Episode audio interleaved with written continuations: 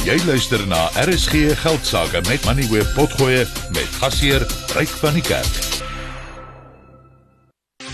RSG Geldsaake met Money Web, jou betroubare bron vir sake en beleggingsinsigte. Hierdie insetsel word aan jou gebring deur Jacques de Wet van PSG Wealth Somerset Wes. Dit is amper die einde van die belastingseisoen en ek het so ruk gelede met Jak gesels oor die voordele daarvan om in uittreë anniteite te belê en hoe om die volle belastingverligting wat hierdie produkte bied te benut. En vanaand gaan ons kyk na hoe om 'n beleggingsportefeulje te struktureer sodat jy die minste moontlike belasting betaal. Jak sluit nou weer by my aan. Jak, welkom by die program. Kom ons begin net by die basiese dinge. Wat is die verskil tussen belastingvermyding en belastingontduiking? As jy 'n belastingprobleem het, is jy eerstens in 'n baie goeie posisie en kan jy jouself as geseënd daar.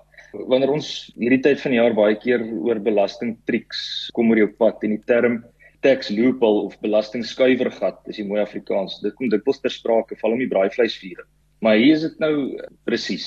Daar is nie iets soos 'n tax loophole of 'n skuiwergat nie. In meeste gevalle word dit eerder vir jou 'n slaggat. Daar is net dit wat wettig is en dit wat onwettig is. En belastingvermyding is wettig en belastingontduiking is onwettig. Hoe kan ek wettiglik minder belasting betaal?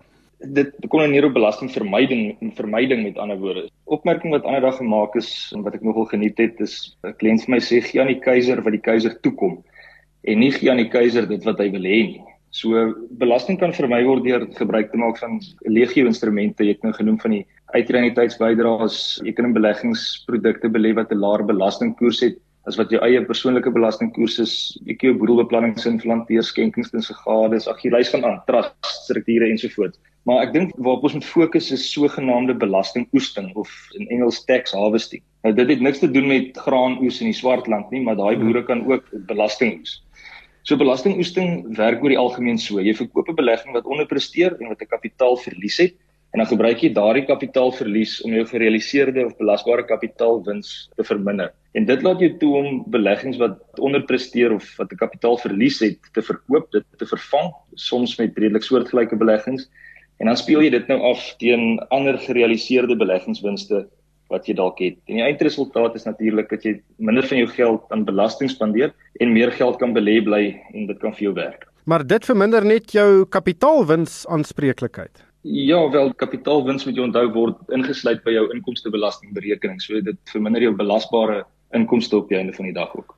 As ek altyd dink aan die verkoop van aandele wat gedaal het, dan is een van die redes gewoonlik daarvoor dat jy jou kapitaalwinsbelasting wil beperk. Maar wat jy nou sê, dui ook daarop dat jy jou inkomstebelasting kan verminder. Dis korrek. In wese ryk as jy 'n kapitaalverlies het en jy het 'n kapitaalwins en die wins is groter as die verlies, dan spaar jy eerstens op die kapitaalwins wat dan ingesluit word in jou inkomstebelastingberekening wat dan sal tel as belasbare inkomste. So wanneer jou belasbare inkomste verminder, betaal jy mos terhalwe minder belasting volgens jou marginale belastingkoers. Dis eintlik 'n dubbele effek. Nie net maak jy jou kapitaalwins minder nie, maar jy spaar ook op die inkomstebelastingfront. Is daar enige beperkings op hoe en wanneer jy hierdie belastingoesting kan gebruik? Ja, kom ek sê dit so, dit is nie so eenvoudig nie. Ek weet die keiser slaap met sy oë oop en daar's 'n gedeelte in die inkomstebelastingwetgewing wat bekend staan as die bed and breakfast reël of bed and ontbyt reël wat bepaal hoe daar te werk gegaan moet word deur die ontvanger om hierdie kapitaalwinsbelastingvermydingstegniek in effek hok te slaan of te beperk. Nou in 'n letterlike sin verwys hierdie term van bed and breakfasting na die verkoop van aandele op een dag voor bedtyd en 'n terugkoop van dieselfde aandele in die volgende dag by ontbyt. En die doel van so 'n korttermyn verkoop en terugkoop van aandele is juis om 'n kapitaalverlies te genereer vir die verrekening nou teen die kapitaalwins in dieselfde jaar van aanslag. Nou die doel van hierdie bet en ontbyt transaksie is bloot om die portefeulje na sy voorverkoop posisie te herstel. Nou dit word nie toegelaat nie. Dit is 'n baie tegniese punt en die verduideliking kan redelik lank wees, maar kortliks in 'n neutedop. As jy onderpresterende aandele het wat jy verkoop, dan moet jy dit nou nie weer terugkoop binne 45 dae nie. As jy nou gebruik wil maak van hierdie vermydingstegniek. Maar baie finansiële raadgewers gaan vir jou sê, luister, moet nou nie emosioneel optree nie as aandele daal, dan moet jy nog steeds die aandele hou want dit het 'n langtermyn 'n beleggingshorison. So hoe pas dit nou in by hierdie planne wat jy kan maak om minder belasting te betaal? Dit is 'n baie goeie punt wat jy maak, Ryk. Ek dink die laaste ding wat 'n ou wil bereik is om 'n verhandelaar of 'n trader te wees, want dit mag negatiewe gevolge hê.